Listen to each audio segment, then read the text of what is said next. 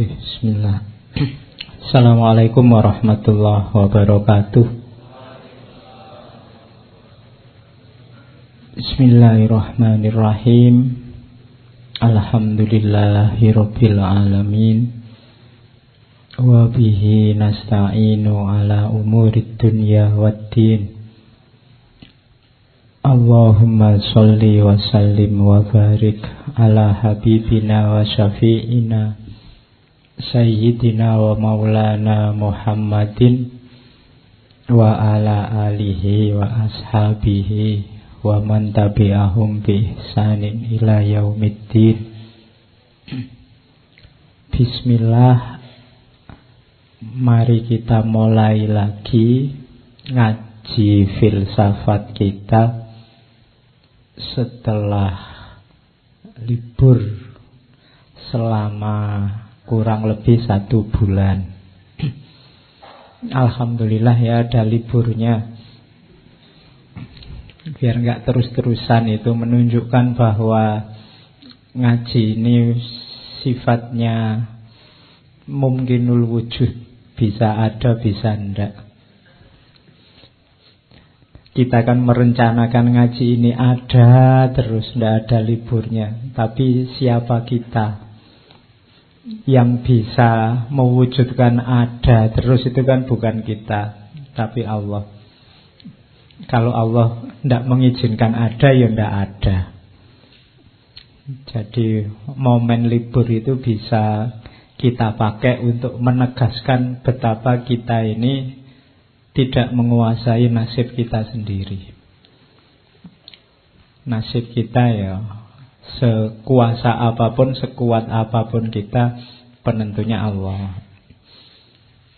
Yang kedua Momen-momen libur Kemudian masuk kembali Momen beraktivitas Kemudian libur Kemudian beraktivitas lagi Momen-momen berpisah Kemudian bertemu Itu sebenarnya bagus untuk momen Kalau di filsafat momen kontemplasi, refleksi diri. Kalau dalam agama momen untuk muhasabah.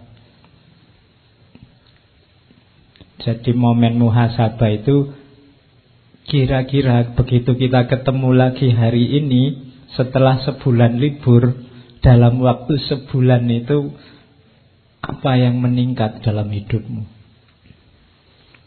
Kalau itu ilmu, kamu sudah nambah ilmu apa dalam waktu sebulan? Kalau itu kebaikan, kebaikanmu sudah tambah belum dalam waktu satu bulan ini? Nah, itu namanya momen-momen muhasabah. Jadi ngecek kita dapat apa sih? Setelah tidak ketemu sebulan, opo nggak dapat apa-apa? Atau dapat apa-apa sih Pak, tapi saya tidak tahu dapat apa saja. Ya, kalau jawabanmu kamu tidak dapat apa-apa berarti kamu stagnan. Kalau bahasa hadisnya kalau stagnan itu namanya orangnya rugi. Kalau lebih jelek dari sebulan yang lalu itu namanya malun, dilaknat. Saya dapat apa-apa sih Pak? Pasti wawasan ya tambah macam-macam tambah, mungkin kebaikan juga tambah, tapi saya tidak tahu. Saya disuruh muhasabah itu tidak bisa ketemu apa saja yang saya dapat. Itu menunjukkan bahwa mungkin kita menjalani hidup ini sebagian besar dengan tidak sadar. Sehingga yang masuk apa, yang tambah apa, atau jangan-jangan yang berkurang apa kamu juga tidak tahu. Nah itu makanya enaknya itu kalau ketemu teman lama tiba-tiba ketemu Kan kamu biasanya takut ditanya sudah kawin belum, sudah lulus belum, itu kan gak enak. Yo, tanya yang reflektif. Sudah nambah kebaikan apa? Sudah jadi apa? Kan nggak sering pertanyaannya begitu. Oke, jadi semoga libur satu bulan sekarang ketemu lagi kamu tambah baik dalam segala halnya. Malam ini kita mulai Meskipun bulan ini kita hanya dapat dua hari Rabu Kita ambil tema cinta ilahiyah, mahabbah. Cuma saya tidak ngambil teori, saya ambil dari novel-novel besar dalam sejarah Islam. Yang nulis juga para sufi. Jadi para sufi itu menjelaskan cinta ilahiyah tapi secara simbolik. Kita ambil dua naskah kisah cinta yang sangat terkenal. Yang pertama dari beliau Abdurrahman Jami atau yang sering dikenal Jami saja yang karya puncaknya adalah Yusuf Zulaiha. Rebu depan kita ketemu Syekh Nizomi dengan Laila Majnun. Jadi kalau melihat latar belakang pengarangnya, tidak mungkin dia cuma ingin cerita cinta-cintaan. Anak muda, laki-laki perempuan, cinta yang erotis pasti tidak itu tujuannya. Kemungkinan paling besar adalah sebenarnya mereka ingin menceritakan atau paling tidak menanamkan atau mengajarkan mahabbah, cinta ilahiyah.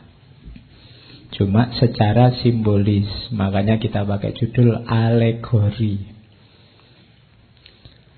Oke, malam ini kita ketemu beliau Abdurrahman Jami, Nuruddin Abdurrahman Jami. Beliau ini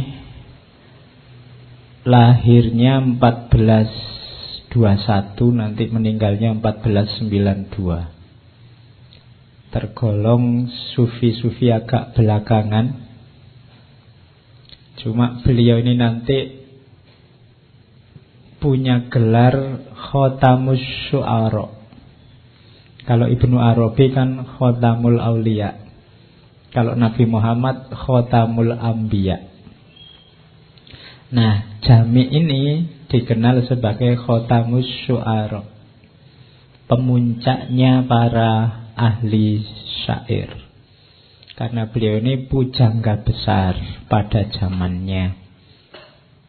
Yo, jami itu nama tempat kelahiran sekaligus tempat berkarirnya daerah Jam. Daerah Jam itu wilayah Khurasan, nanti beliau juga tinggal di Herat. Kalau hari ini wilayah-wilayah itu adanya di daerah Afghanistan. Cuma zaman itu masuk imperium, masuk daerah Persia. Jadi nanti puisi-puisinya dikenal sebagai puisi-puisi dari wilayah Arab Persia. Jadi itu latar belakangnya ya beliau termasuk penerusnya ajaran-ajarannya Ibnu Arabi. Meskipun nanti beliau juga sempat kuliah di Nizomiyah. Jadi dan punya spesifikasi keahlian di bidang sastra. Yusuf Zulaikha ini salah satu karya puncaknya yang menjelaskan tentang sebenarnya maunya cinta ketuhanan. Dan jangan dibayangkan ceritanya Yusuf Zulaikha ini ya se seperti itulah ceritanya Nabi Yusuf dan Zulaikha yang sebenarnya wong ini alegori sifatnya jadi beberapa bagian ya dimodifikasi didramatisir sesuai kepentingannya jamek untuk menjelaskan tentang mahabbah. Jadi ya ndak ndak persis seperti itu mungkin kejadiannya Tapi seperti itulah Jamik menjelaskan tentang hubungan antara Yusuf dan Zulaikha. Tapi di situ banyak sekali simbol-simbol Ya kalian yang harus memecahkan kode-kode simbol itu untuk tahu apa yang diinginkan oleh Jamik dari cinta ilahiyah. Ya narasi ceritanya pasti terinspirasi oleh kisahnya Nabi Yusuf di Al-Quran di surat Yusuf surat ke-12 dari Al-Qur'an. Oke, jadi itu tentang Abdurrahman Jami. Karya-karyanya banyak, silahkan dijelajahi. Sebagian besar sangat puitis. Yusuf Zulaikha ini termasuk jenis Masnawi. Ya yang belajar bahasa Indonesia dulu ketika belajar jenis puisi lama itu kan Masnawi itu kan berarti strukturnya dua-dua sama Rumi nanti juga punya Masnawi Lebih monumental, lebih terkenal. Tapi Jamik juga punya Masnawi Kalau di puisi lama kan Masnawi itu strukturnya AA dua Terus bawahnya lagi BB Terus bawahnya lagi CC Dengan cara cara menyusunnya begitu. Meskipun ini sifatnya cerita Tapi modelnya Masnawi Itu tidak gampang. Puisi gabung sama prosa Nanti ya puisi lama itu ya. Kalau empat-empat kan ada lagi rubaiyat. Kalau rubaiyat itu empat-empat. Ada lagi yang lima-lima. Kalau lima-lima namanya kit'ah. Ada lagi yang delapan-delapan. Kalau delapan-delapan namanya gazal Oh itu bahasa Indonesia. Pelajarannya dulu. Oke, semoga kalian masih ingat kalau lupa enggak apa-apa, enggak ditanyain malaikat. Oke, bismillah kita mulai. Ya, saya bukanya tetap dari surat Yusuf ayat 12. Tiga ayat pertama. Saya ambil tiga ayat ini karena ada beberapa kata yang menarik menurut saya. Kalau yang pertama alif lam ro itu tidak masalah tilka ayatul kitabil mubin. Yang selanjutnya menarik. Inna anzalnahu Qur'anan Arabian la'allakum ta'kilun. Sesungguhnya kami turunkan Al-Quran dalam bahasa Arab supaya engkau berpikir. Ini ayat ini menarik menjelaskan bahwa kenapa Allah menurunkan Al-Qur'an supaya kita berpikir. Jadi Al-Qur'an itu harusnya menginspirasi kita, mendorong kita untuk berpikir. Jangan dipisah-pisah, jangan dipilah-pilah mana lebih penting Quran atau akal. Tidak, dua-duanya penting. Adanya Quran membuat kita jadi berpikir. Terus kalau ini yang tentang kisahnya Nahnu nakusu alaika ahsanal kososi bima auhaina ilaika hadal Quran Jadi kami kisahkan padamu ahsanal kososi. Makanya di pengantarnya Jami itu kisahnya Yusuf Zulaikha itu disebut kisah paling baik. Kisah paling agung. Karena Quran sendiri menyebutnya ahsanal kososi. Jadi cerita paling agung isinya ternyata kisah cinta. Nah, oke, okay, ya terserah tafsirmu apa. Wong yang ngomong Quran sendiri bahwa ini adalah kisah ahsanal kososi bima auhaina melalui apa yang kami wahyukan padamu lewat Al-Quran ini hadal Quran Oke, jadi malam ini kita bertemu kisah paling luar biasa. Cuma ya karena ini sifatnya ngaji, saya tidak akan dongeng. Kamu sudah tahu rangkaian ceritanya, saya hanya nyuplek bagian-bagian tertentu yang tak anggap penting untuk menjelaskan cinta ilahiyah. Jadi saya tidak akan dongeng ya. Kuatir kamu tambah ngantuk. Mau saya ngomong gini aja kan kamu bolak-balik angop ngantuk. Apalagi aku dongeng. Oke. Saya buka-buka tulisan tentang jamik. Ada beberapa yang saya ambil menurut saya menarik. Tidak apa-apa ya, saya bawa ke sini. Ada munajatnya jamik itu mungkin cocok untuk kita pakai hari ini.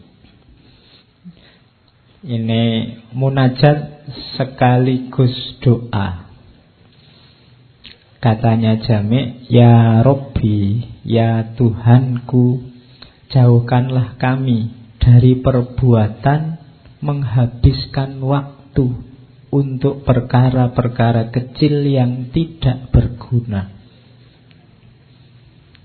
Tunjukkan kepada kami segala perkara menurut hakikatnya. Angkatlah dari batin kami selubung ketidaksadaran. Janganlah diperlihatkan kepada kami barang yang tidak nyata sebagai barang yang ada. Janganlah kau biarkan bayang-bayang menutup batin kami sehingga kami tidak dapat melihat keindahanmu. Jadikanlah bayang-bayang ini sebagai kaca yang melalui batin kami untuk menyaksikanmu. Itu kalau penyair itu kan berdoa saja rasanya indah. Jadi ini munajat sekaligus doa. Ya sekali-sekali kalian kalau malam-malam pas bangun munajatlah sambil nunggu siaran langsung sepak bola. Kamu boleh bermunajat. Ini kalimat-kalimat ini pasti menyesuaikan dengan situasi yang beliau alami. Kalian juga boleh bermunajat sesuai dengan situasimu masing-masing. Munajat itu kan kayak orang sedang curhat sama Allah.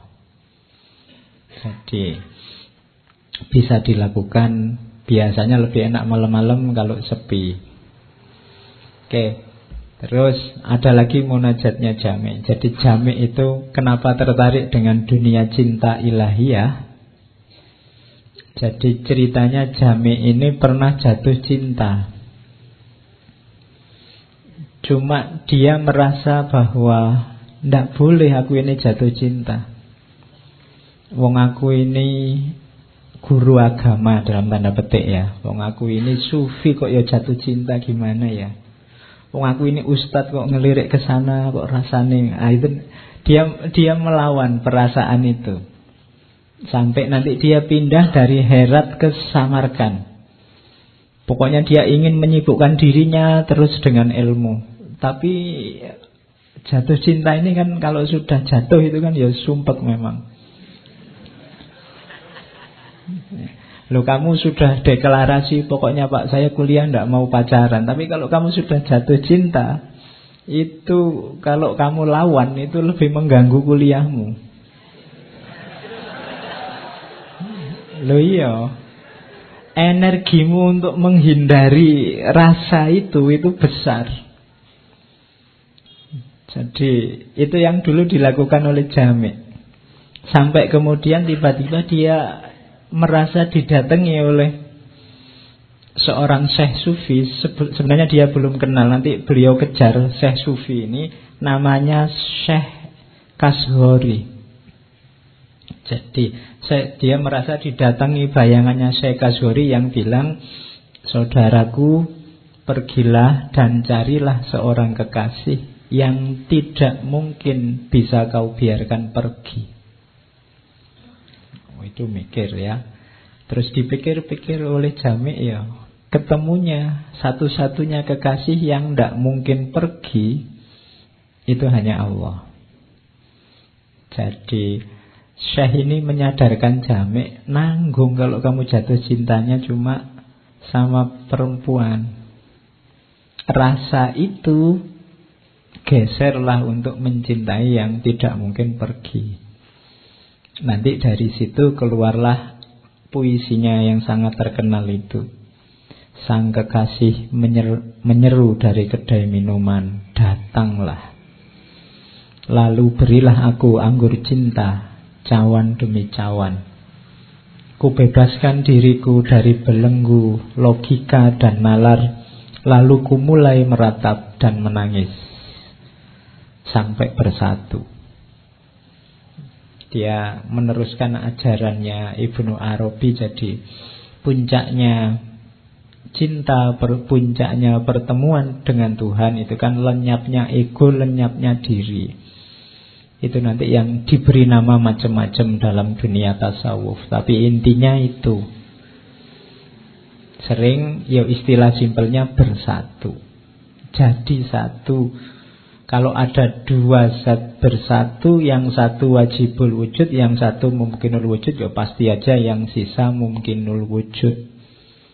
Kalau setetes air bersatu dengan laut, tidak usah dicari lagi setetes airnya, yang ada tinggal lautnya. Jadi itu yang disebut bersatu.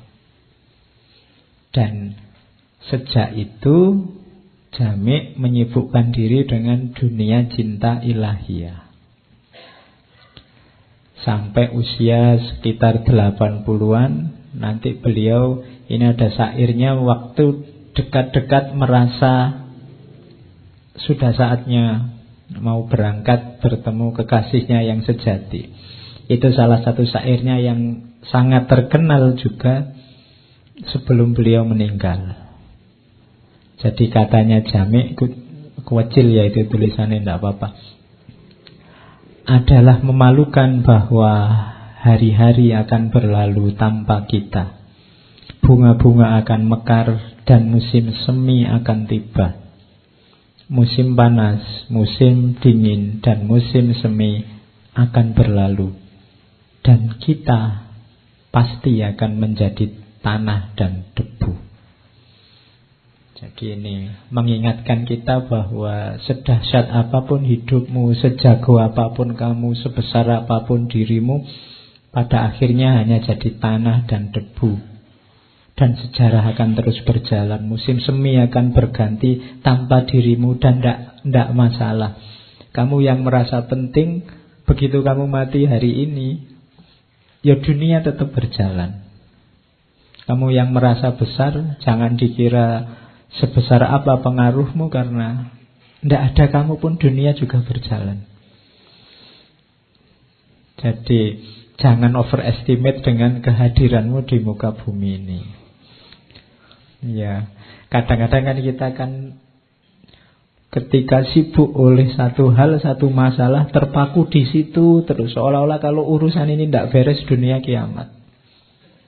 Kehadiranmu juga begitu. Hari ini kan kita sering sibuk begitu. Makanya saya usahakan ngaji ini temanya tidak mainstream. Orang bahas apa, kita bahas apa. Jadi bahasa Jawa ini rada selinjo.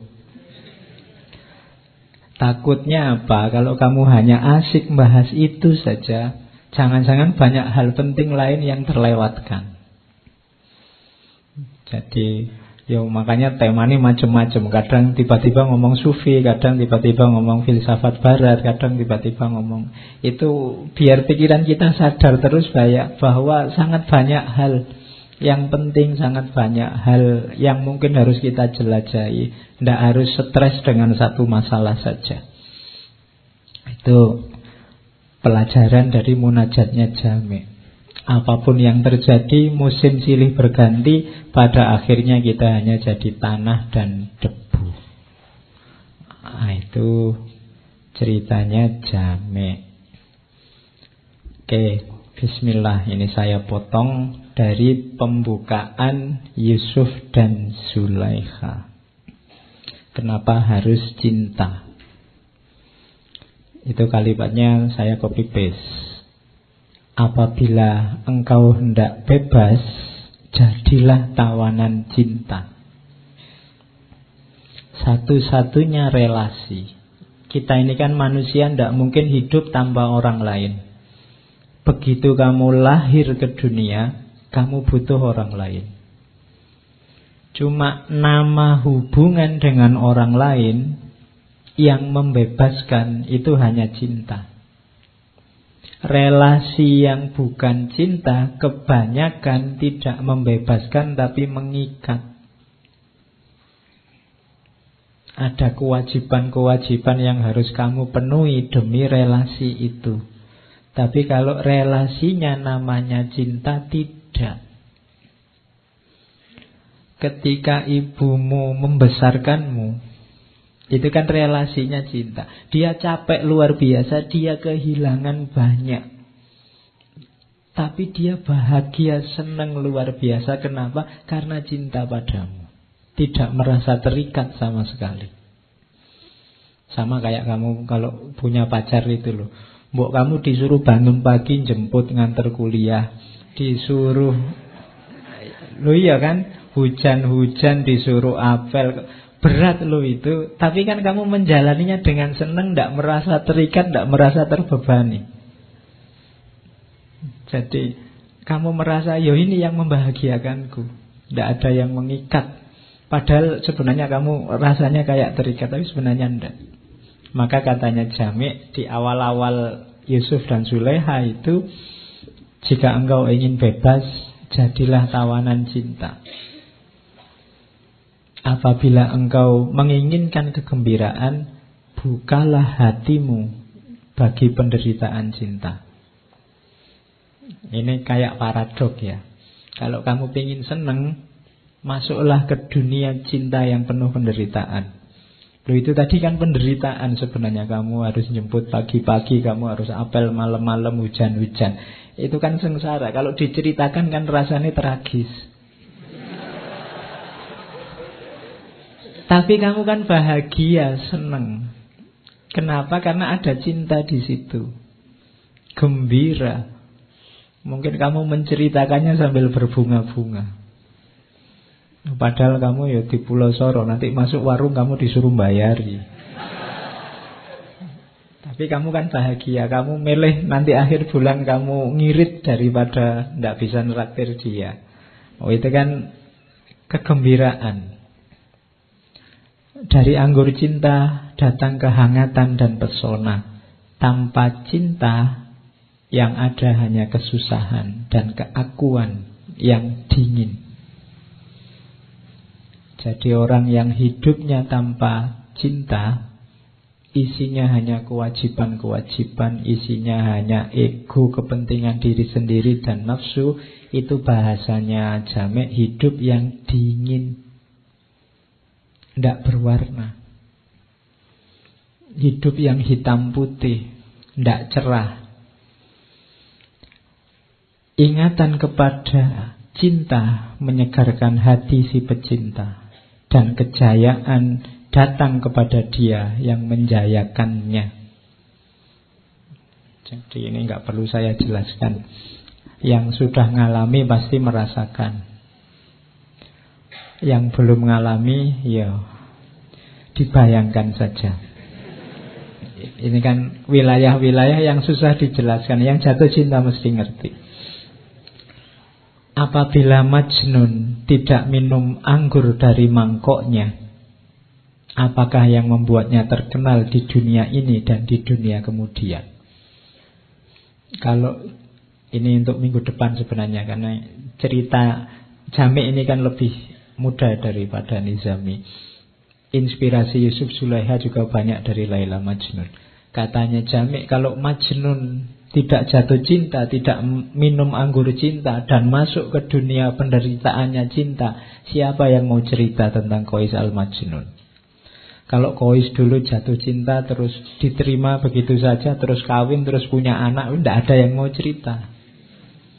Tapi justru dia jadi luar biasa, jadi monumental ketika masuk ke ranah cinta yang susah sekali, yang menderita sekali, yang sakit sekali. Kayak Romeo and Juliet itu kan mesti ada tragedinya sehingga diceritakan dari zaman ke zaman. Banyak kisah cinta jadi monumental ketika itu sangat sengsara, sangat susah. Ada kesusahan cinta. Ribuan orang berbakat cemerlang tapi asing terhadap cinta telah lenyap tanpa meninggalkan riwayat atau peninggalan yang mengabadikan namanya. Jadi banyak orang yang berbakat, pinter, tapi hidupnya tidak ada cinta di situ, dia lenyap begitu saja dari percaturan dunia. Engkau boleh mencoba seratus hal tapi hanya cinta yang akan membebaskanmu dari dirimu sendiri. Ini katanya Jami. Maka janganlah melarikan diri dari cinta. Jangan. Sekalipun dari cinta dalam samaran duniawi. Kalian jatuh cinta sama temanmu sak itu kan cinta dalam samaran duniawi. Kalian mencintai apa itu cinta dalam samaran duniawi, tidak apa-apa. Mungkin masih level-level artifisial. Yang penting apa? Kamu belajar mencintai dulu. Hatimu lunakkan dulu dengan cinta. Karena itu merupakan persiapan bagi kebenaran tertinggi. Yo, kalau ujuk-ujuk cinta sama Allah mungkin yo agak berat. Yang bisa kamu lakukan apa? Belajar. Hatimu diajari caranya mencintai. Pada apa pun dulu.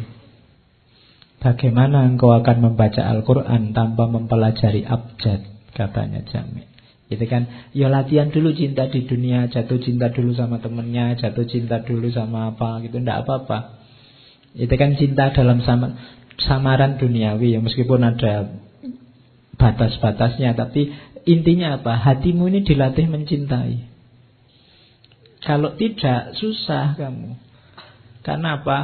Tidak bisa orang memaksa diri untuk jatuh cinta itu kan tidak gampang.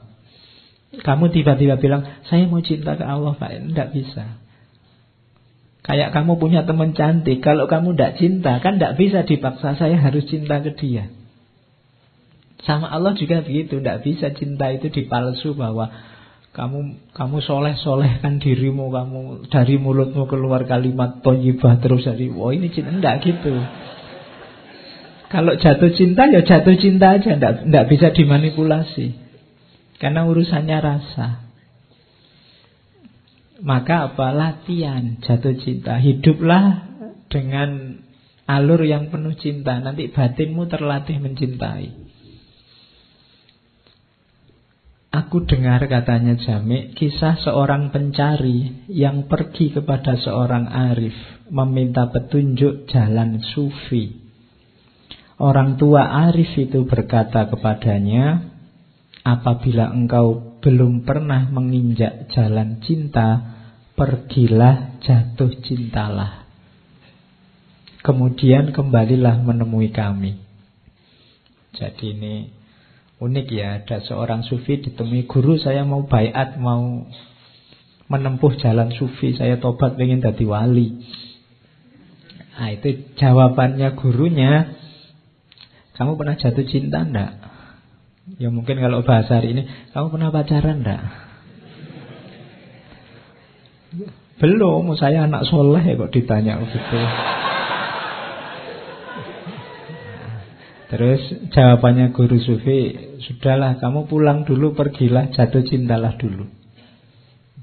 Jadi berarti apa? Hatimu belum belum terlatih lembut, belum terlatih mencintai. Sementara nyawanya dunia sufi itu batin hati yang mencintai. Kalau kamu sudah ngerti rasanya jatuh cinta, balik lagi ke sini. Ayo melakukan suluk. Hatimu sudah paham bagaimana rasanya jatuh cinta. Nah ini rumus yang lain dari jami. Ya, meskipun jangan dipakai alasan ya. Nanti kamu pacaran, kamu kok hidupnya pacaran terus. Oh ini latihan mencintai. Ya. Pada akhirnya kan nanti cinta sama Allah kan gitu. Ya itu alasan mudah. Oke, jadi itu pembukaan dari jami. Nah, nanti di belakangan ada paragraf yang unik. Jadi jam ini Yusuf Zulaikha beliau menulisnya sudah di usia-usia agak lanjut. Di kalimat di buku itu ada seruan dari cinta kepada Jami. Jami, engkau telah menjadi tua dalam cinta. Kita ini kan sejak kecil sampai sebesar ini itu kan kita bisa eksis sampai hari ini sampai dewasa itu kan karena banyak cinta di sekeliling kita. Sejak kita lahir dari orang tua kita, dari lingkungan kita, guru-guru kita, saudara-saudara kita itu kan isinya saling butuh, saling mencintai, maka kita bisa selamat dewasa sampai hari ini. Maka cinta menyeru pada Jami, engkau telah menjadi tua dalam cinta. Semoga engkau bertahan dan meninggal dengan sungguh-sungguh dalam cinta. Tapi katanya cinta, pertama-tama tuliskanlah suatu cerita tentang permainan cinta sehingga dapat terpelihara satu jejak dari dirimu sendiri di dunia. Gambarkanlah dengan pena halusmu suatu lukisan yang akan tinggal setelah engkau pergi. Jadi itu di pendahuluannya Yusuf Sulaikha itu Jamik merasa dia harus meninggalkan satu jejak karya tentang cinta. Karena cinta adalah hal yang paling penting dalam hidupnya selama ini. Jadi itu belum kayak kalimat sebelumnya tadi kan belum disebut orang besar, belum disebut orang yang berbakat sebelum meninggalkan karya dalam cinta. Maka sekaranglah saatnya jamik katanya cinta, tulislah karya tentang cinta. Dari situlah nanti kemudian beliau memilih kisahnya Yusuf dan Zulaiha. Saya tidak akan merunut dari awal Kalian sudah ngerti siapa Yusuf Siapa Zulaiha yang nanti jadi majikannya Dan seterusnya Kalau di Jami Zulaiha itu Seorang putri Yang Sebelum beliau nanti jadi istrinya wazir di Mesir sudah diperlihatkan keindahannya Nabi Yusuf. Jadi dia sudah jatuh cinta sama Yusuf sebelum ketemu. Ketemunya di mimpi. Nah, dia mimpi ketemu seorang laki-laki yang indahnya luar biasa. Ya Nabi Yusuf itu kan bahkan di salah satu hadisnya katanya Nabi Muhammad kan Nabi Yusuf itu yang memiliki separuh keindahan separuh ketampanannya laki-laki. Jadi kalau ada orang kegantengan seluruh dunia dibagi dua, yang separuh miliknya Nabi Yusuf, yang separuh dibagi orang sedunia mulai Nabi Adam sampai kiamat. Ya. Loh, ilustrasinya Nabi Muhammad kan begitu. Nabi Muhammad cerita ketika beliau ketemu Nabi Yusuf di langit ketiga waktu Isra Mi'raj. Itu kan di langit ketiga ketemu. Nabi Yusuf. Dan beliau menggambarkan dia Nabi Yusuf itu punya setengahnya. Jadi artis-artis ganteng siapa pun itu cuma perlian kecil-kecil dari gantengnya Nabi Yusuf. Karena Nabi Yusuf yang punya separuhnya. Yo untungnya kita nggak ngalamin ngalami kalah saingan kabeh kamu Oke ya, saya tidak membayangkan hari ini nanti dia tiap hari masuk TV diteriaki sama ABG-ABG itu mesti. Zaman dulu kan kan ceritanya waktu diperlihatkan pada perempuan-perempuan bangsawan Mesir saat itu kan semuanya melungu sampai ngiris tangannya sendiri tidak terasa itu kan saking kagumnya, saking takjubnya dengan ketampanannya Nabi Yusuf. Nah itu Zulaikha ini sudah bermimpi ketemu Yusuf. Sehingga dia jatuh cinta sebelum ketemu orangnya. Itu kalimatnya ketika dia setelah mimpi, wahai permata suci, dari tambang manakah engkau berasal? Engkau telah membawa pergi hatiku tanpa mengatakan padaku siapa namamu atau dari mana datangmu. Dan aku tak mengetahui ke mana akan bertanya. Aku tidak menghendaki siapa pun tertimpa cinta seperti ini. Aku tidak memiliki hati dan tidak pula memiliki hasrat hatiku sendiri. Bayanganmu telah muncul padaku dan merampas tidurku. Ia telah membuat air mata dan darah hatiku mengalir. Tubuhku yang tak terbawa tidur menjadi lesu, dadaku terbakar. Aduhai, tak dapatkah engkau memadamkan nyala ini? Mestikah engkau selalu laksana nyala api yang membara? Oh itu kan jatuh cinta beneran kan? Padahal hanya cuma mimpi. Ini sebenarnya simbol kalau dalam bahasa sufi kehausan spiritual. Jadi jiwamu itu sebenarnya menjerit-jerit ingin ketemu dirinya yang hakiki. Kamu tidak pernah ketemu mungkin dalam tanda petik ya ketemu Allah. Kamu ngertinya mungkin hanya dalam bayangan-bayangan, dalam konsep-konsep. Tapi sebenarnya jiwamu sangat merindukan itu. Makanya ini alegori cinta ilahiyah. Jadi batin kita itu sebenarnya sangat ingin ketemu Allah. Cuma nafsu kita, hasrat kita, ambisi kita menutupi itu semua sehingga kamu tidak sadar. Begitu sadar kamu kebingungan ke mana harus mencari.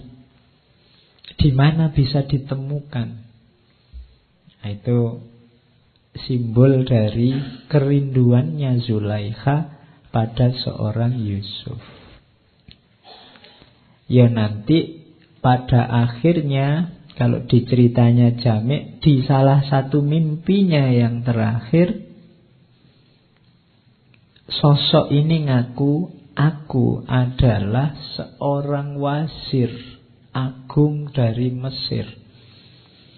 Dan ya nantinya Yusuf ini kan jadi wazirnya Raja Mesir setelah dia di penjara, setelah dia ngalami macam-macam nafsir mimpi segala kan dia nanti jadi wazir. Jadi ngomongnya aku ini wazir agung dari Mesir.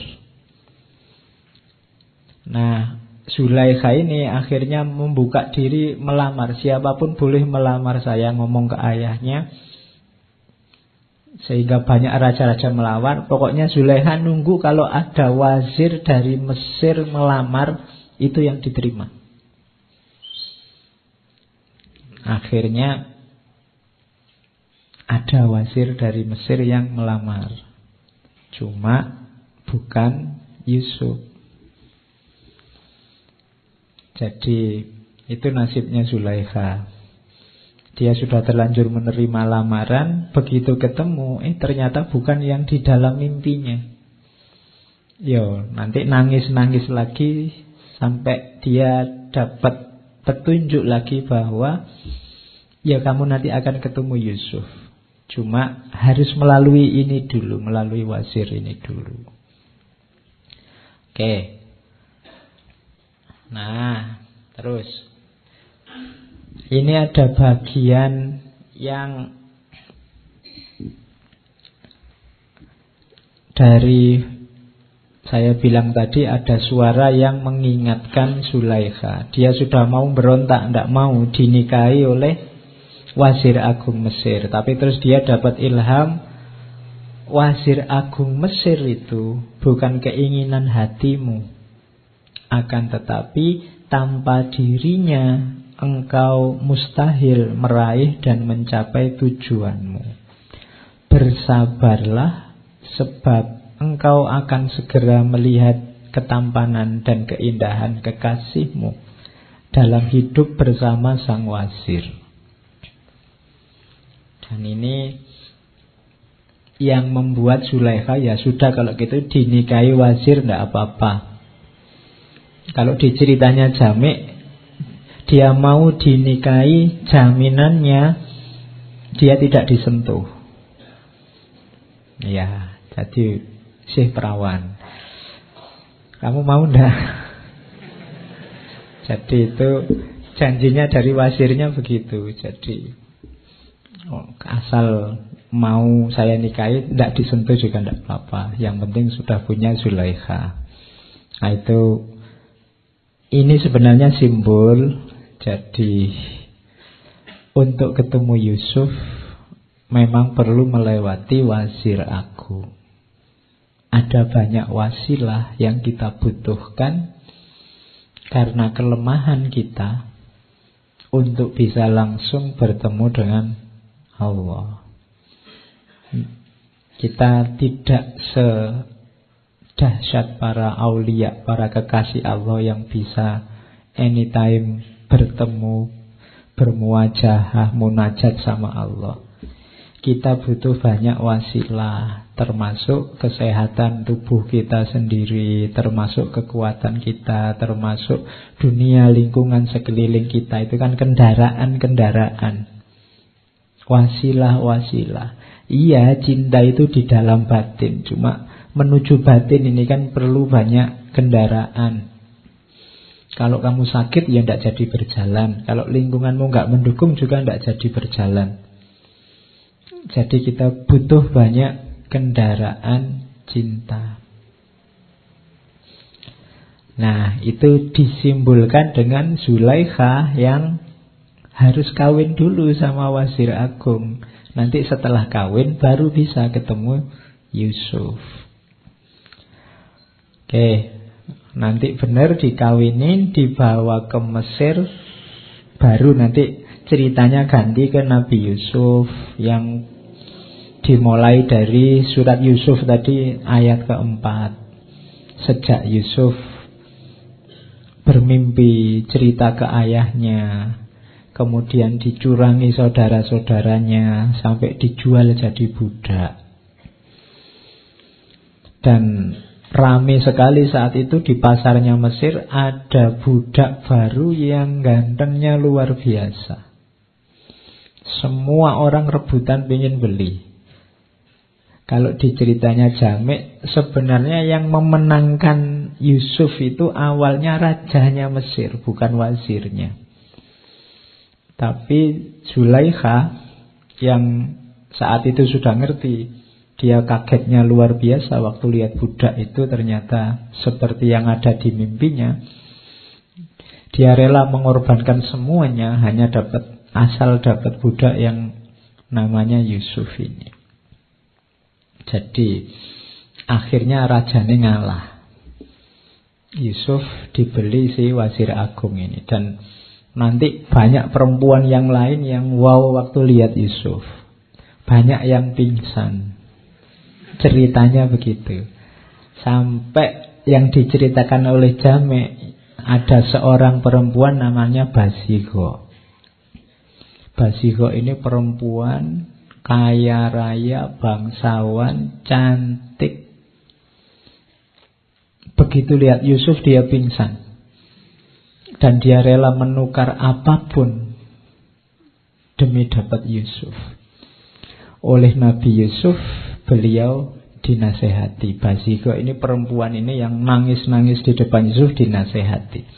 Katanya Yusuf, ketika engkau melihat keindahan dan kesempurnaan di dunia ini, yang demikian itu tak lain adalah sebuah tanda tentang Dia.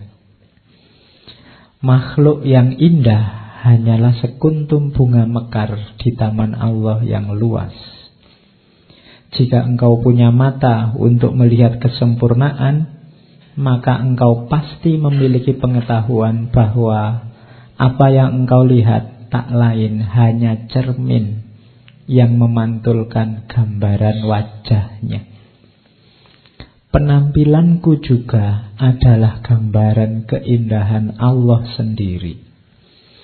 Namun engkau mesti tahu bahwa sebuah gambar akan memudar. Sekuntum bunga akan layu.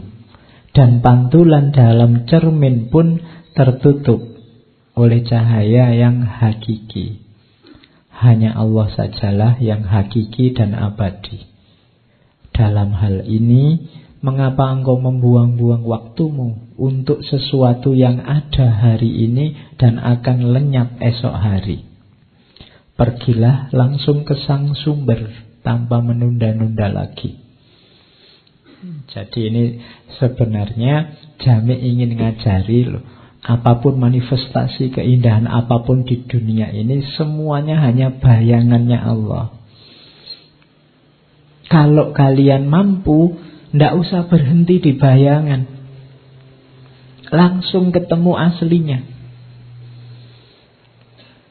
Kayak dulu waktu kita ngomong Ghazali kan Kalau kamu cinta sama yang indah-indah Ketahuilah yang maha indah itu Allah kalau kamu cinta sama yang cerdas-cerdas, yang pandai-pandai, yang pinter-pinter, yang maha tahu, maha pinter itu Allah. Kalau kamu cinta sama yang kuat-kuat, yang kuasa-kuasa, yang maha kuat, maha kuasa itu Allah. Yang lain hanya cerminannya.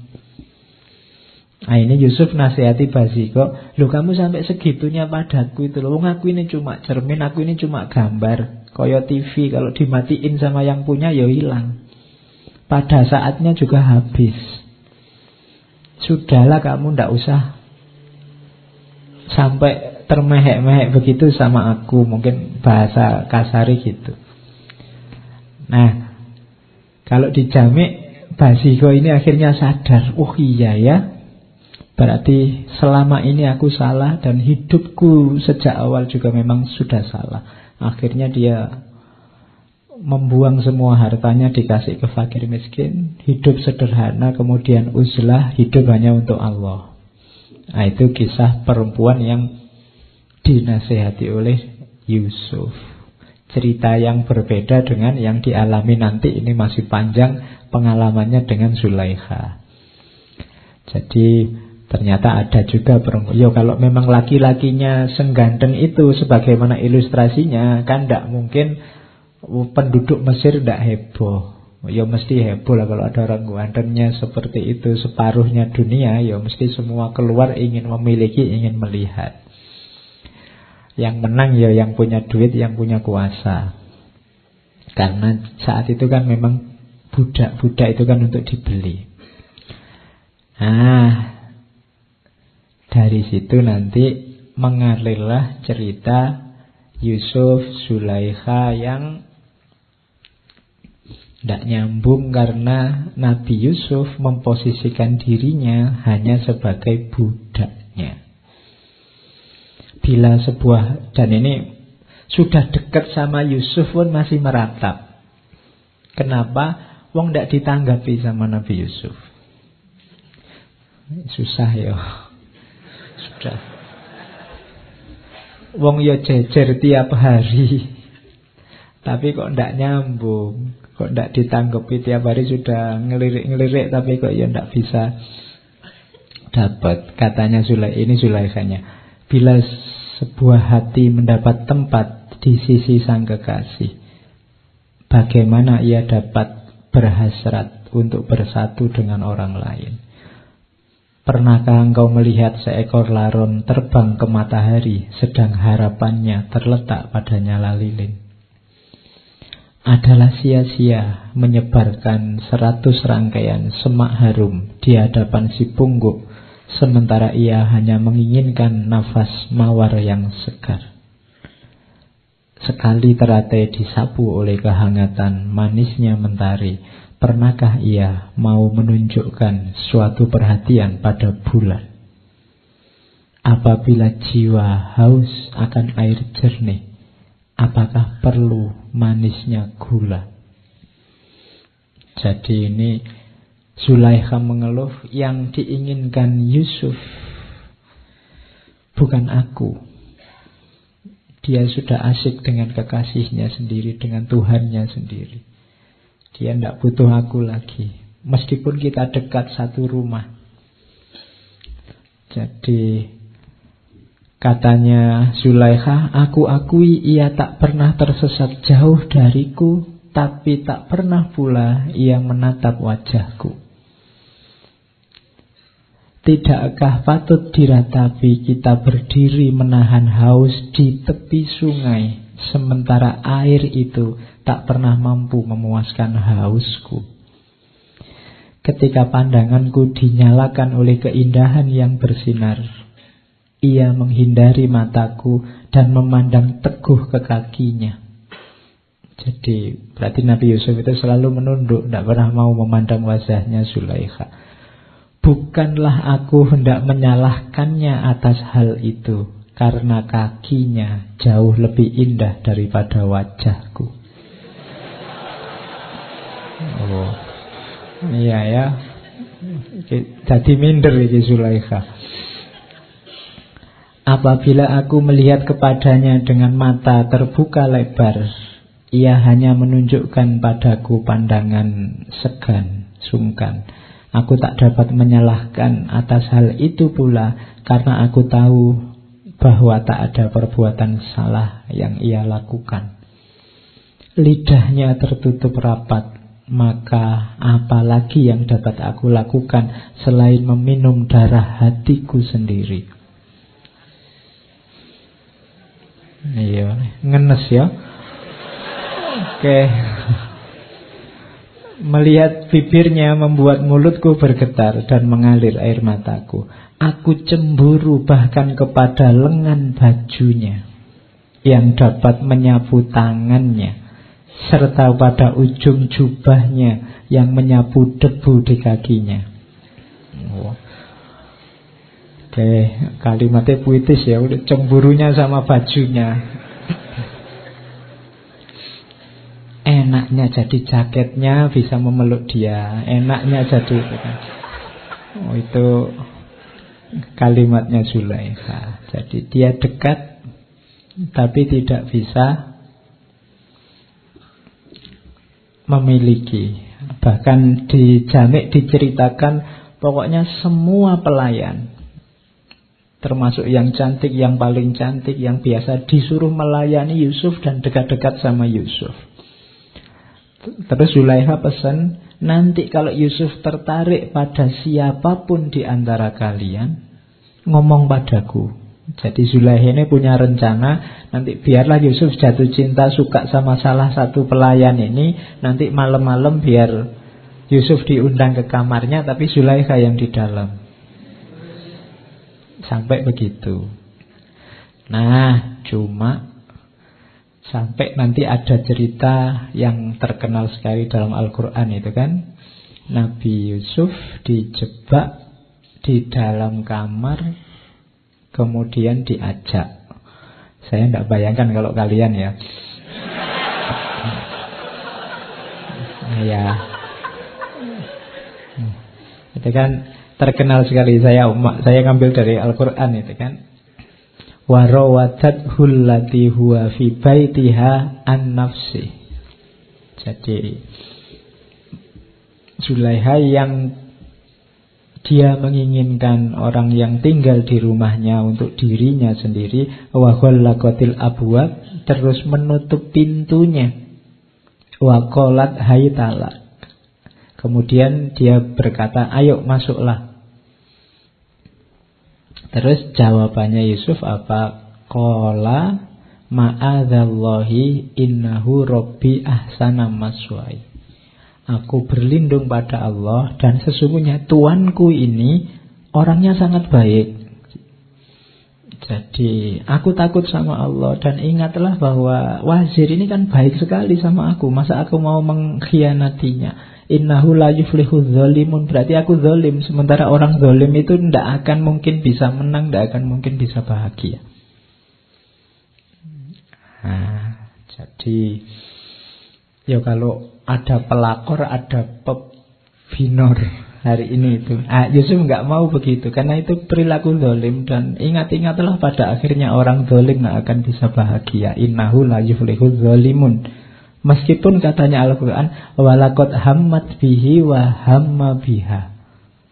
Zulaiha itu tertarik pada Yusuf. Jangan-jangan Yusuf ya laki-laki normal ya, ya mau-mau saja. Wahamma biha. Laulah an ro'a burhana robbi Kalau dia tidak melihat isyarat-isyarat petunjuk dari Allah Bahwa tidak boleh begitu Kadzalika linasrifa an awal fahsya Seperti itulah Allah untuk memalingkan, melindungi Yusuf dari kejelekan dan kemungkaran. Kenapa? Karena innahu min ibadinal muhlasin. Katanya Allah, Yusuf ini orang terpilih.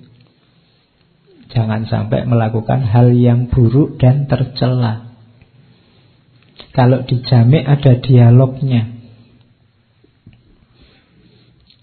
Nabi Yusuf berkata, Kenapa aku tidak mau? Ada dua rintangan yang mencegahku menuruti kemauanmu. Yang pertama adalah gimana aku menjawab pertanyaan dari Allah. Yang kedua bagaimana menghadapi wazir. Katanya Zulaiha, jangan bicara padaku tentang suamiku.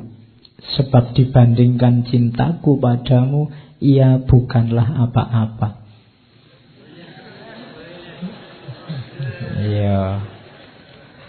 enak ya jatuh cinta sama jangan takut sama suamiku kan karena dia merasa menguasai suaminya. Ya memang jatuh cinta sama istrinya orang suaminya orang itu kan lebih aman. Karena ada anekdotnya begitu. Kalau kamu jatuh cinta sama yang gadis saingannya banyak. Tapi kalau istrinya orang kan saingannya satu suaminya Oke. Terus katanya Zulaikha, aku bisa meracunnya. Wah susah ya diracun loh. Atau mengalihkannya agar tidak mengetahui keadaan kita. Akan hanya Allah, katanya Zulaikha. Allah lebih gampang lagi. Jika dia memang maha penyayang, maha pemaaf, sebagaimana engkau katakan, aku akan tobat, ngasih zakat, ngasih sedekah, nanti dia mengampuni kita. Gampang loh. Jadi ayolah kita ngamar berdua nanti tobat bareng-bareng. Ah, oh ya, Boso kasare kan gitu. Nah, jawabannya Yusuf, engkau mungkin bisa menyembunyikan dosamu dari sang wasir. Tetapi engkau tidak akan pernah bisa menyembunyikannya dari Allah. Akan halnya ampunannya, apakah dia dibayar untuk menciptakan kita sehingga dia mau menerima suap untuk mengampuni kita. Ya kan? Itu kan kamu mau menyuap Allah tuh dengan sodakoh, dengan zakat, dengan itu Allah tahu, Allah itu maha tahu segalanya, tahu niatmu, tahu segala kekejianmu. Jadi katanya Yusuf, tidak mungkin kita bisa mengelabui Allah. Nah, itu narasinya Jamik memperjelaskan, memperpanjang ayat tadi. Nah, akhirnya kan kita tahu semua Yusuf lari keluar, bajunya ditarik oleh Zulaikha sehingga robek di belakang terus ketahuan wasir di depan kamar. Dan wasirnya ini maunya marah tapi setelah lihat bukti ya tidak bisa mengelak bahwa yang salah istrinya. Terus berkembanglah isu, berkembanglah gosip ke mana-mana bahwa istrinya wasir ini Sungguh tidak tahu malu karena cinta sama budaknya sendiri Itu pun ditolak. Itu kan malunya luar biasa. Ya Nah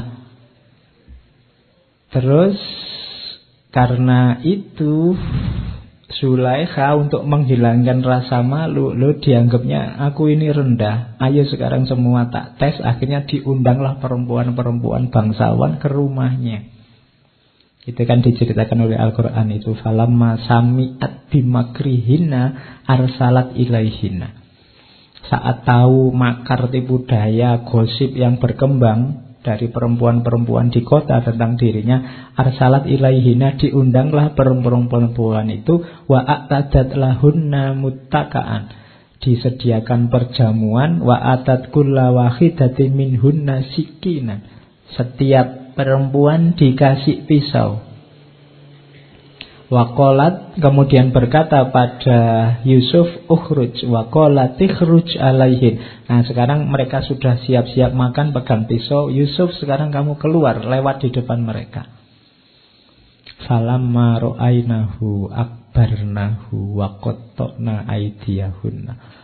Begitu lihat Nabi Yusuf lewat semua langsung wow melongo tidak sadar sampai ngiris tangannya sendiri. Kalau sampai ngiris tangan tidak sadar itu kan luar biasa. Biasanya kalau kamu nggak sadar disenggol, diiris baru sadar. Ini kebalikannya. Saking tidak sadarnya ngiris tangannya tidak terasa. Wah, jadi falamma ro'ainahu akbarnahu takbir. Takbirnya bukan untuk tawuran, untuk nyerbu, tapi untuk Wah, jadi kalau lihat orang ganteng kamu bisa Allahu Akbar gitu. Loh iya kan contohnya kan jadi kalau ini kan ada ayatnya. Loh kok lihat orang ganteng Allahu Akbar ada ayatnya. Surat Yusuf ayat 31. Falamma ra'ainahu akbarnahu. Terus mereka wakulna dan mereka berkata, Hasya lillahi ma hadza basyara in hadza illa malakun karim. Jadi demi Allah, ini bukan manusia orang yang gantengnya kayak gini. Ini pasti malaikat yang mulia. Ah, itu. Jadi mungkin inilah ganteng yang tak terbayang karena pokoknya saking gantengnya jadi orang sampai wow, tidak membayangkan hari ini seperti apa. Ini untuk membungkam mulutnya perempuan-perempuan Mesir saat itu. Lah kok aku digosipkan katanya Sulaiman. Coba kalian sendiri lihatlah kayak gini loh Yusuf. Apa ndak kelepek-kelepek kalian lihat kayak gini. Jadi sehingga terus rame orang sana, oh ya pantas jatuh cinta. Makhluknya seindah ini. Itulah Yusuf dan cintanya terus berkembang. Ini yang membuat Zulaiha tambah lama tambah susah.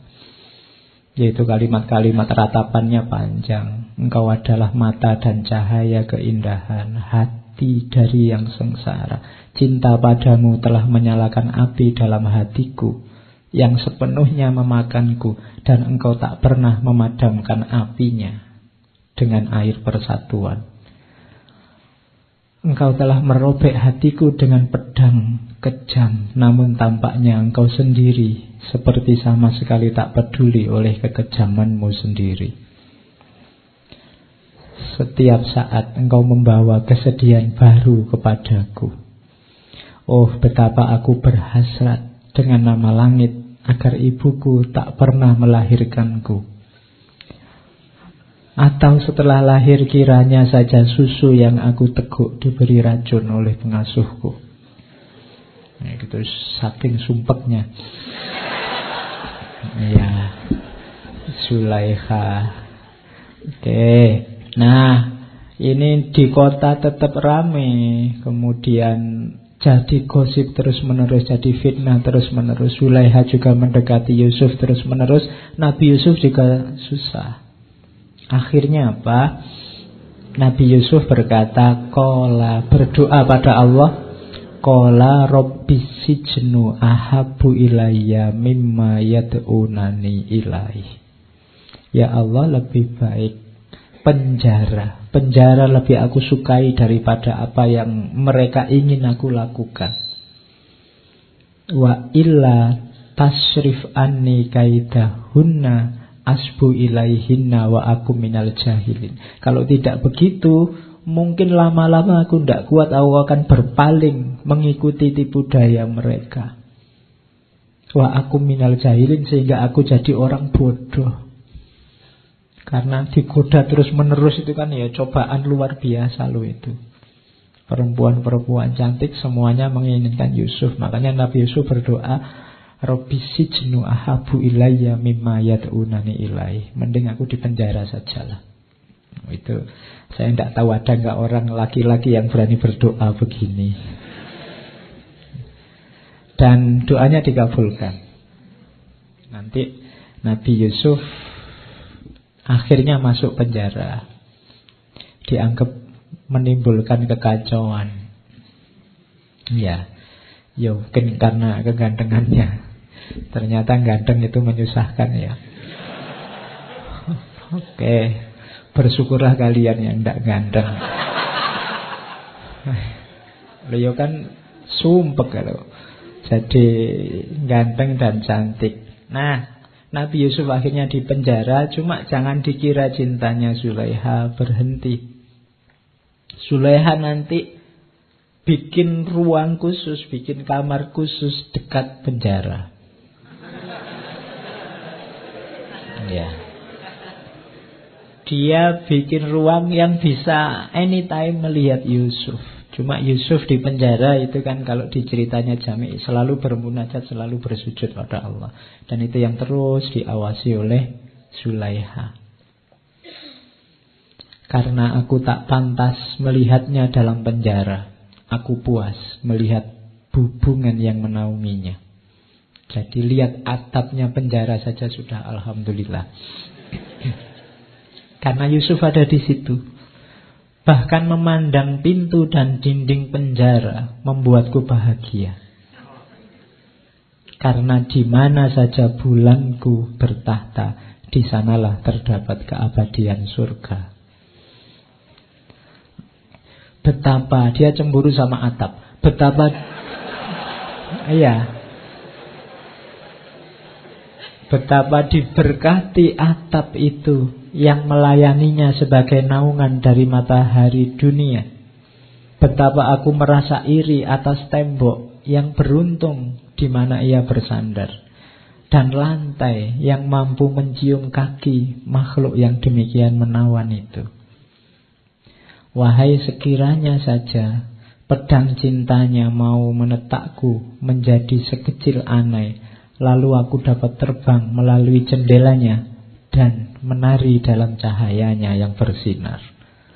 Oh ini jadi dia sudah bikin kamar dekat penjara pun masih gelisah. Dia belum bisa bertemu dengan Yusuf kekasihnya.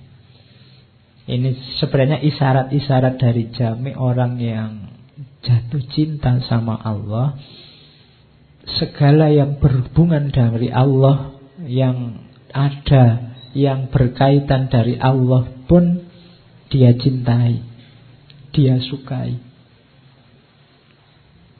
Jadi itu yang diisyaratkan oleh Jami. Jadi orang yang cinta sama Allah itu tidak akan bisa benci sama apa pun yang lain. Kenapa? Segala yang lain itu kan makhluk ciptaannya Allah. Kalau kamu ngaku mencintai Allah tapi masih bisa membenci apa pun yang lain, padahal apa pun yang lain itu masih ada hubungannya sama Allah, itu berarti masih belum cinta beneran. Jadi itu yang diisyaratkan lewat Zulaiha. Terus itu juga ada kalimat yang menunjukkan bahwa ini sebenarnya waktu Zulaikha yang tiap hari merata merenung tentang Yusuf diajak ngobrol sama pelayannya ndak nyambung. Katanya Zulaikha, aku tak pernah sadar akan diriku, maka janganlah mengharapkan aku untuk menyadarimu semua. Apabila kalian hendak berkata padaku, ingatlah untuk menggoyang tubuhku dulu, dengan demikian aku akan kembali menjadi diriku sendiri dan mendengarkanmu. Hatiku dipenuhi dengan terpidana yang aku cintai. Itulah sebabnya segala kesadaranku tiada. Bagaimana mungkin pikiran yang dipenuhi keindahan seperti itu dapat menyadari apa pun lainnya? Jadi kalau sudah jatuh cinta, diri akan lenyap. Siapa pun yang sedang cinta sama Allah, dia akan yang ada dalam dirinya hanya Allah saja, sebagaimana Zulaikha yang ada dalam dirinya hanya Yusuf saja. Makanya banyak sufi dalam ekstasenya puncaknya secara tidak sadar bilang anallah. Itu yang nanti disebut syatohat. Itu diucapkan ketika dia lenyap dirinya, tidak ada dirinya, yang ada dalam dirinya hanya Allah saja. Sama kayak kalian waktu jatuh cinta dengan siapa itu yang ada dalam dirimu kan yang kamu cintai saja. Waktu lihat minuman yang ada di pikiranmu, kalau pacarku sukanya teh yang tanpa gula. Itu kan pacarmu. Kamu jalan-jalan di mall lihat toko baju mesti, oh kalau kekasihku sukanya baju yang semacam ini. Kalau yang ada di pikiranmu hanya dia. Itu menunjukkan lenyapnya diri. Yang ada diri yang dicintai. Jadi penjelasan sederhananya begitu. Jamek pakai analogi dari Zulaiha. Yang merasa tidak sadar. Jadi kalau mau ngajak ngobrol Zulaiha Ditepuk dulu. Eh sadar. Nah Baru bisa diajak ngomong Kalau tidak begitu Yang ada di pikirannya hanya Yusuf Oke. Terus jadi itu unsur unsur selanjutnya penyucian diri. Secara tidak sadar dengan cintanya nanti Zulaikha sebenarnya sedang membersihkan dirinya dari segala hal yang duniawi. Bahkan dari egonya sendiri. Ini kan latihan yang luar biasa. Banyak orang susah untuk menaklukkan egonya. Maka jalannya apa? Cinta. Makanya tadi Sufi tadi ketika didatangi anak muda disuruh pergilah jatuh cintalah dulu. Latihan apa sih paling utama dari cinta itu? Menaklukkan ego. Orang yang cinta itu pasti tidak egois. Tidak berpikir tentang dirinya, yang difikirkan yang dicintai. Maka dalam cinta ada namanya penyucian diri. Kamu tersucikan lewat cinta. Kenapa? Egomu kamu kalahkan sekarang. Itu latihannya yang penting di situ. Katanya Jamik, pecinta yang sesungguhnya tak dapat lagi menyadari bau atau warna dirinya sendiri. Ia tidak mempunyai perhatian, baik dengan mengakrabi atau memusuhi pada siapa pun selain kekasih. Hatinya tidak terpaut pada tahta atau mahkota. Semua keserakahan dan hawa nafsu telah membenahi kopernya dan meninggalkan jalannya. Apabila ia bicara, itu adalah kepada sang kekasih. Apabila ia mencari, maka ia hanya mencari kekasih. Jadi, itulah manfaatnya cinta yang dialami nanti oleh Zulaiha. Dari situ nanti Zulaiha di cerita-cerita terakhir lebih mudah ketemu Allah. Dan nanti ini dipinjam oleh Jamek untuk menasehati dirinya. Engkau juga wahai Jamek, datanglah. Keluarlah dari dirimu dan masuklah ke dalam kediaman kebahagiaan abadi. Engkau mengetahui jalan menuju ke sana, maka apa Apakah kelambanan yang menyedihkan ini? Kenapa engkau lambat? Kenapa engkau menunda-nunda? Kamu kan sudah tahu ilmunya, sudah tahu teorinya, sudah tahu kebenarannya. Menunggu apa lagi? Tinggalkan dunia khayali dari jiwa binatang dan masuklah wilayah kegaiban. Dahulu pun engkau tak ada, hingga tak ada kesulitan apa pun yang menimpamu karenanya.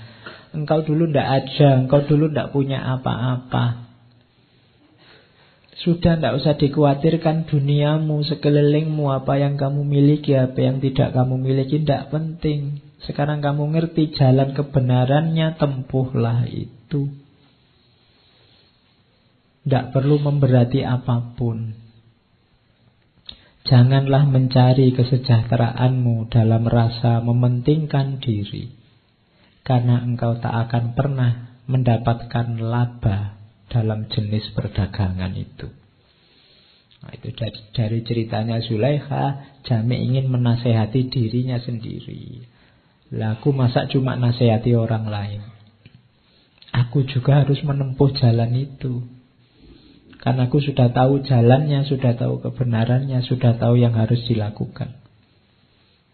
Apalagi yang aku tunggu, aku ini kok lambat sekali ya. Apakah kelambanan yang menyedihkan itu? Nah itu keluhannya Jamik terhadap dirinya sendiri. Nah nanti Yusuf di penjara, Zulaiha tetap dengan cinta dan ratapan-ratapannya.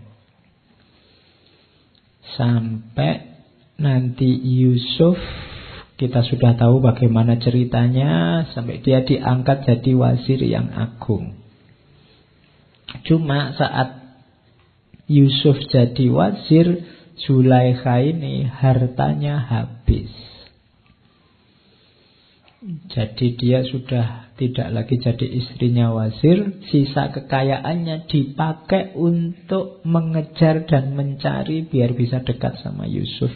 Itu pun sangat kesulitan yang dilakukan tiap hari dia duduk di pinggir jalan sekiranya di jalan itu Yusuf akan lewat dan menghabiskan hartanya untuk itu sampai dia miskin sama sekali kayak orang-orang pinggir jalan sampai dia kurus dari sangat cantik jadi jelek jadi tidak cantik lagi, jadi tua, jadi ya karena sudah tidak terawat lagi. Yang ada di pikirannya tinggal Yusuf. Nah satu ketika beneran dia ada di pinggir jalan, Yusuf lewat. Nabi Yusuf yang melihat perempuan kayaknya kenal, tapi kok yo antara ingat dan tidak Akhirnya disapa Memperkenalkan diri betapa kagetnya Yusuf Ternyata ini Zulaikha yang dulu Ya di situ ya kalau adegan film mungkin nangis-tangisan. Ya, karena ketemu. Cuma dilihat dari situasinya, Yusuf ini heran ini kok bisa bertahan sekuat ini dalam cintanya. Bahkan dilihat dari situasinya harusnya ini yang sudah sakit-sakitan, sudah tua bisa bertahan hanya menunggu Yusuf itu luar biasa. Apalagi kok tidak mati-mati mungkin bahasanya Yusuf. Ah, terus ya ketika Yusuf begitu ada suara dari Allah. Jadi Yusuf dapat isyarat, dapat ilham, aku belum mengambilnya. Sebab dalam dirinya terkandung cinta pada orang yang juga aku cintai. Siapa yang akan mengizinkanmu untuk mematikan kuntum mawar di tamanku dan menginginkan kehancuran salah seorang kekasihku? Karena ia sangat sayang padamu, bagaimana engkau mengira bahwa aku akan mengambil hidupnya? Matanya yang menangis memberikan kesaksian akan cintanya. Meski sepanjang hidupnya ku buat ia putus asa. Kini aku akan membuatnya kembali muda. Ia telah memberikan padamu jiwanya yang sangat berharga. Jika aku sekarang memberkahinya, jadikan ia sebagai bagian dari jiwamu. Jadi itu ini isyarat dari Allah. Ya sudah sekarang kamu sudah bisa menikahinya. Dulu kan walakot hamad bihi wa hamma Sebenarnya kamu dulu kan suka juga cuma memang masih belum halal mungkin bahasa anunya itu. Sekarang sudah boleh. Dan kenapa ku buat dia bertahan? Karena apa? Karena dia mencintai kekasihku juga. Tidak mungkin aku mematikan, menghilangkan orang yang cinta pada kekasihku. Ini logika ini bisa dipakai. Makanya kalian banyak-banyak baca sholawat. Cintailah juga Nabi. Karena kekasihnya Allah. Kalau ingin kemudahan dari Allah, cintailah orang yang dicintai oleh Allah. Nah, itu nasihatnya Jamik lewat keberadaannya Zulaikha dan Yusuf. Cintailah juga para ulama yang jadi pewarisnya Nabi. Cintailah juga para aulia, para kekasih Allah yang sekarang masih bisa kalian temui karena mereka lah kekasihnya Allah. Kalau ingin nyambung sama Allah, mereka lebih dekat daripada kita. Jadi Dekatilah mereka, maka Allah juga akan mencintai kita. Kalau kalian punya orang yang dicintai dan ada orang lain yang memudahkan atau membantu orang yang kamu cintai kan kamu juga suka sama orang itu. Itu logikanya. Makanya Sulaikha pun oleh Allah dibuat bertahan. Tidak mungkin Allah melenyapkan orang yang mencintai kekasihnya, bahkan nanti dikembalikan lagi kecantikan dan kemudahannya seperti sebelumnya. Itulah nanti sehingga setelah itu terus menikah dinikahkan langsung oleh Allah, saksinya para malaikat. Nah, itu Yusuf dan Zulaikha.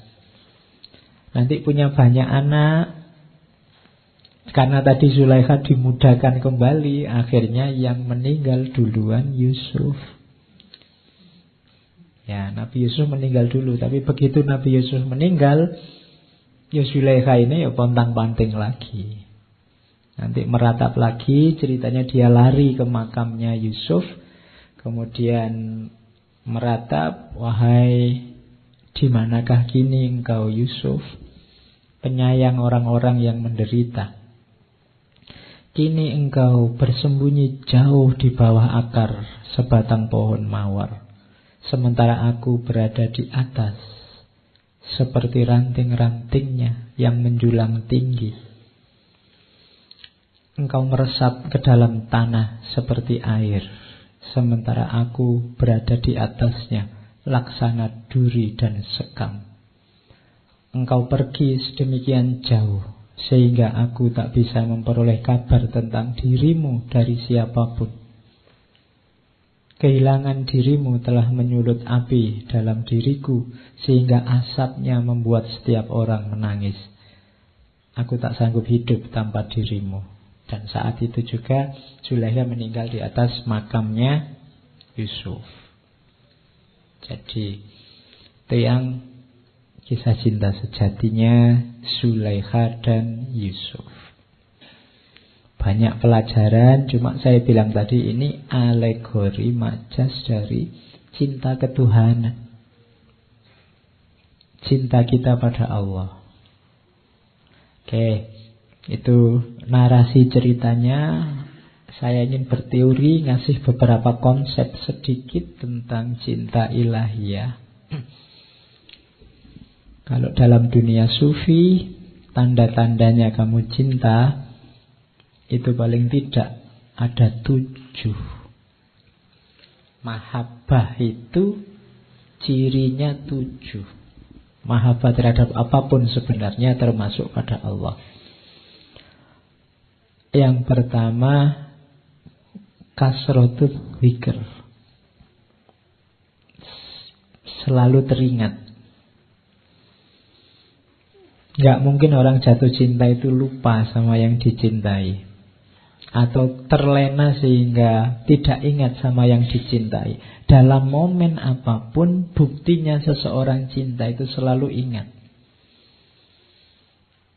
Maka banyak sekali anjuran Buat kita berpikir alladzina yadhkurunallaha qiyaman wa ala junubim Orang yang selalu ingat sama Allah dalam kondisi apa pun duduk, berdiri, berbaring.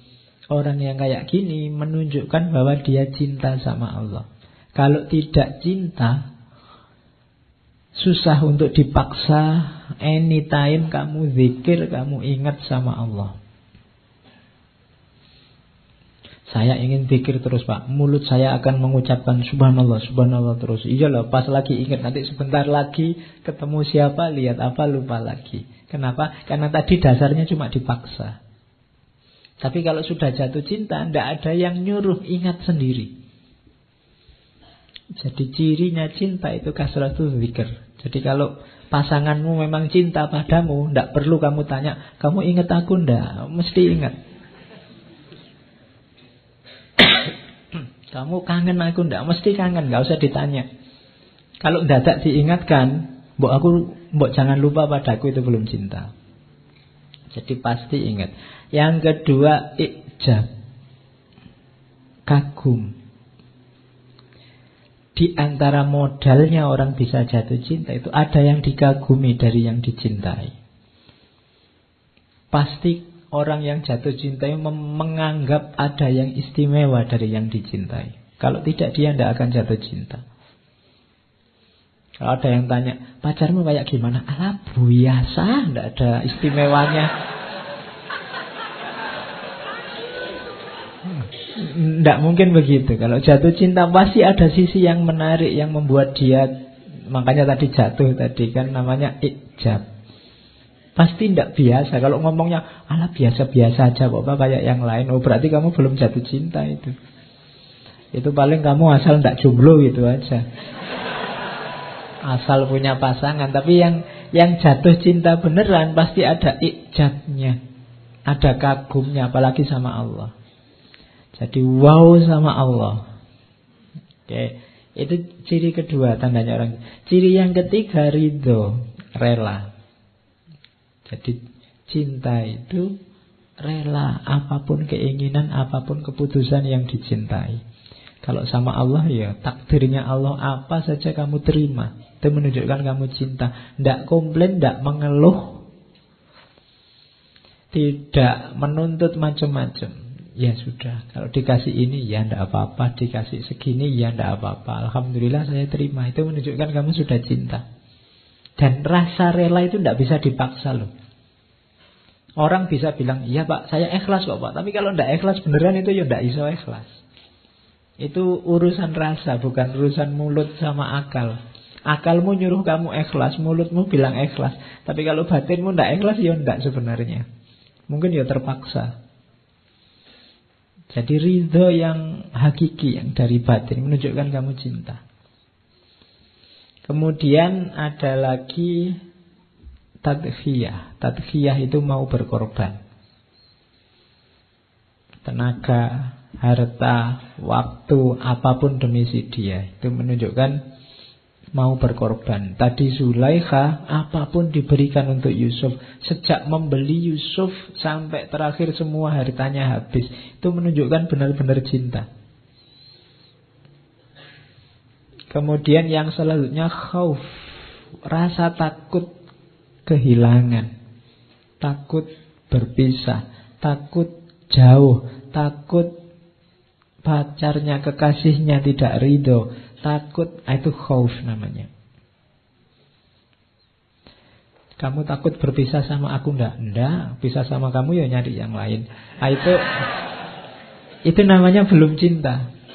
Aku masih muda, masih cakep, masih banyak yang mau kok. Itu namanya belum cinta. Kalau cinta ada khaufnya, ada takutnya. Terus ada roja. Roja itu penuh harapan. Jadi ada harapannya. Aku berharap kita selalu bersama. Aku berharap kita selalu dekat. Aku berharap kita tidak berpisah. Harapan. Aku berharap kita bisa bersama terus. Kemudian to'ah, patuh. Jadi, tidak bantah. Itu namanya cinta. Diminta apa pun, kalau memang dalam kuasanya dipenuhi. Itu menunjukkan cinta. Jadi coba kamu saat tadi saya bilang cinta itu relasi yang agung, relasi dengan sesama dengan apa pun yang paling tinggi, karakternya itu. Terhadap yang kamu cintai, apakah kamu selalu ingat, apakah kamu kagum, ridho, mau berkorban, ada ketakutannya tapi ada juga harapannya dan patuh. Ini saya bawa ringkes-ringkes teori jenisnya cinta ilahiyah itu kalau ini sudah sangat teoritis ada mahabbatullah, ada mahabbatu ma yuhibbuhullah, ada mahabbah fillah walillah, ada mahabbah ma'allah. Yang nomor satu, dua, tiga itu yang terpuji, yang terakhir yang tidak boleh. Kalau dalam agama itu nanti namanya musyrik. Mahabbah ma Allah. Kalau mahabbatullah itu cinta pada Allah. Semua yang dijelaskan di depan tadi itulah cinta pada Allah. Termasuk cinta pada Allah adalah mahabbatu ma yuhibbuhullah. Mencintai apa pun atau siapa pun yang dicintai Allah. Itu termasuk cinta juga pada Allah. Allah cinta kebaikan, kamu cinta kebaikan. Allah sangat mencintai Rasulullah, kamu cinta Rasulullah. Allah mencintai apa pun dan siapa pun, kamu juga mencintainya. Itu namanya mahabbatu ma yuhibbuhullah. Itu juga termasuk kecintaan pada Allah. Ada lagi yang ketiga, mahabbah fillah walillah. Cinta dalam Allah dan karena Allah. Kamu mencintai apa pun, kita ini kan banyak unsur-unsur alami yang cinta. Yang itu ternyata bukan Allah. Misalnya cinta orang tua, cinta negara, cinta lingkungan sekeliling, cinta sama lawan jenis. Usahakan dia fillah dan lillah. Dalam Allah dan karena Allah. Kenapa mencintai orang tua? Karena Allah. Allah menyuruh kita menghargai orang tua, mencintai orang tua. Kenapa mencintai lawan jenismu? Karena Allah juga Allah menciptakan kita berpasangan, menyuruh kita saling mencintai, melanjutkan keturunan jadi Allah. Kenapa mencintai lingkunganmu, tetanggamu? Allah suka itu. Kenapa mencintai apa? Allah suka itu, Allah menyuruh itu, Allah mengizinkan itu, Allah meridhoi itu. Itu namanya mahabbah fillah dan lillah. Itu juga termasuk mahabbatullah. Tidak apa-apa. Jadi tinggal dikerangkai oleh Allah. Karena kita masih manusia biasa, masih suka macam-macam, tidak suka macam-macam. Jadi suka dan tidak suka itu usahakan fillah dan lillah. Maka dia akan berubah jadi mahabbatullah. Yang tidak boleh mahabbah ma'allah. Ada yang lain yang kamu cintai selain Allah di levelnya Allah. Itu namanya musyrik. Di dunia ini hanya ada dua yang aku cintai. Engkau dan Allah. Itu tidak boleh. Yang boleh aku mencintaimu karena Allah. Hmm. Oke, koyo lagu ya. Ya, Cari sendiri rumusnya. Dan cinta pada Allah itu nanti mendalam rasa. Semua aktivitas yang dilandasi oleh cinta pada Allah nanti akan menemukan momentum keagungannya sendiri. Saya bawa cerita, mumpung masih ada waktu ya. Jadi ini cerita dulu, ini sebenarnya harusnya masuk ketika ngomong Kaisar Akbar.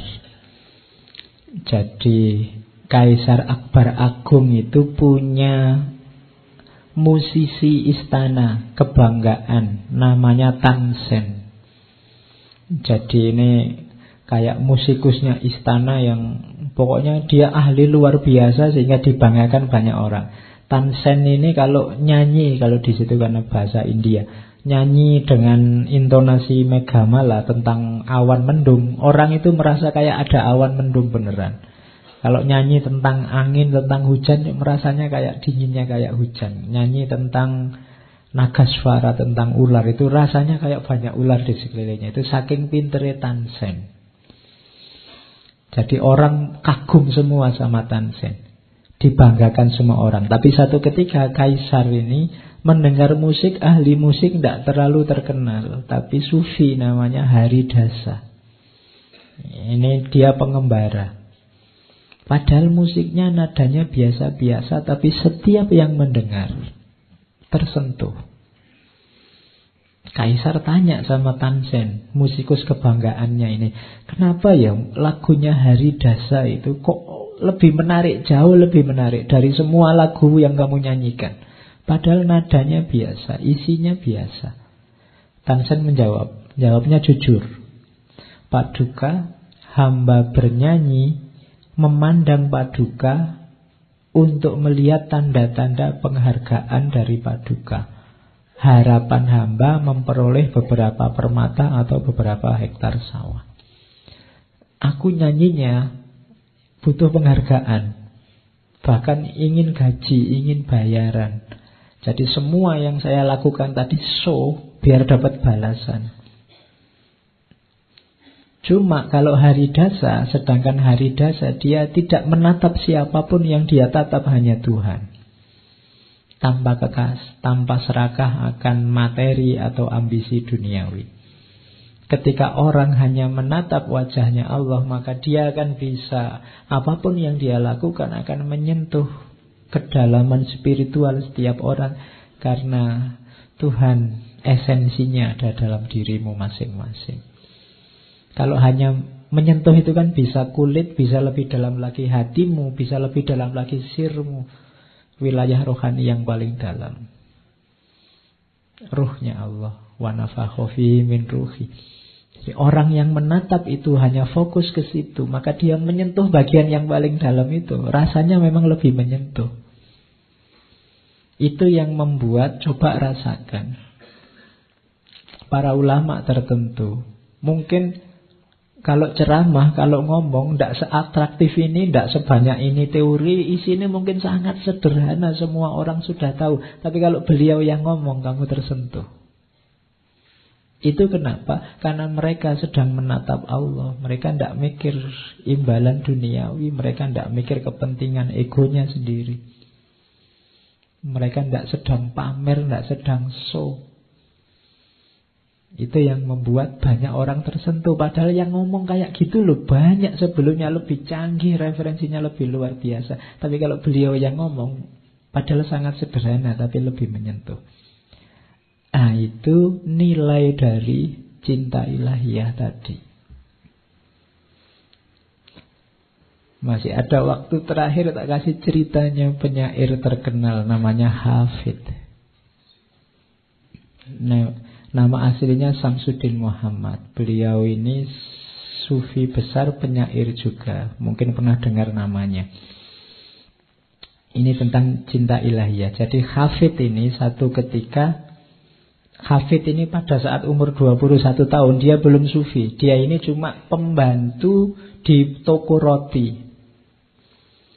Nah, satu ketika oleh juragannya Hafid ini disuruh ngantar roti ke rumah seorang bangsawan. Nah, di rumah itu dia ketemu dengan putrinya bangsawan yang cantiknya luar biasa. Yo, biasa lah ya kalau lihat perempuan cantik kan terus tertarik. Dan dia jatuh cinta sama perempuan itu. Waduh, kok ada perempuan cantiknya gitu. Dia terbayang-bayang terus.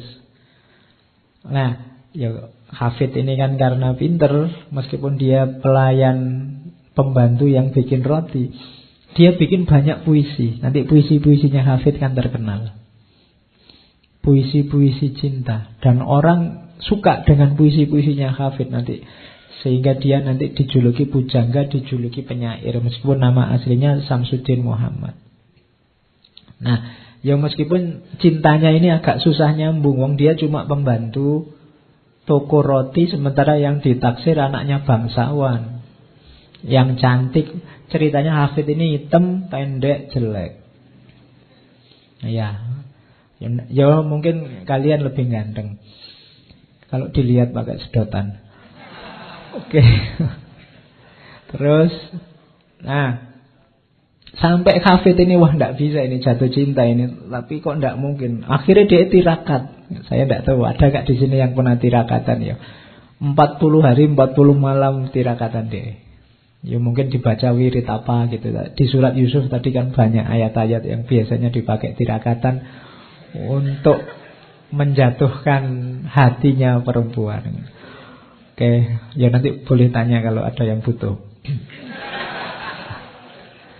Nah, Hafid ini tirakat 40 hari 40 malam karena dia yakin kalau sudah tirakat ini mesti dikabulkan dan benar.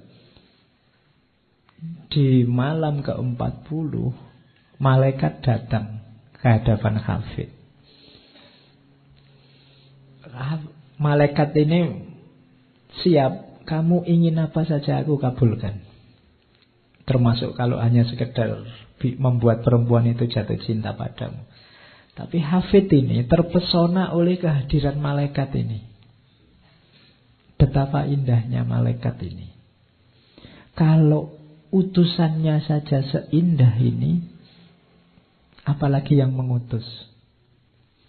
Jadi kehadiran malaikat membuat Hafid lupa dengan misinya. Jadi waktu malaikatnya tanya, Hafid kamu butuh apa? Apa yang kamu inginkan? Hafid bilang aku ingin Tuhan. Aku ingin Allah. Tidak jadi ingin perempuan. Akhirnya oleh malaikat ya Jibril saat itu yang datang Hafid ditunjukkan datanglah ke guru sufi di Siroj namanya Muhammad Attor. Guru sufi ini pekerjaannya tukang membuat parfum dan nanti belajar dari guru itu nanti Hafid jadi sufi besar. Jadi cinta pada dunia, cinta pada perempuan, jatuh cinta pada lawan jenis yang kalau ditarik lebih jauh, kalau dasarnya memang tadi kecantikan, Allah lah yang paling cantik. Melihat malaikatnya saja, Hafid terpesona. Maka Hafid bilang, kalau begitu saya revisi permohonannya. Ya, tidak tanggung-tanggung sekarang. Aku jatuh cinta sama Allah. Aku minta Allah. Dan oleh Jibril diarahkan Oke kalau gitu datangi guru sufi ini Bergurulah ke beliau. Jadilah nanti hafid sufi besar. Oke saya kira itu untuk Mahabbah ilahiyah Cinta pada Allah Malam hari ini Minggu depan kita lanjutkan dengan kisah yang lebih tragis lagi Ya, kita kalau ini kan cinta luar biasa dari seorang putri namanya Zulaikha. Minggu depan kita ketemu Kois Al-Majnun yang lebih dahsyat lagi. Biar imbang ada laki-laki, ada perempuan. Oke, saya kira itu ketemu lagi minggu depan insya Allah. Wallahul muwafiq, wallahu a'lam bisawab. Wassalamualaikum warahmatullahi wabarakatuh.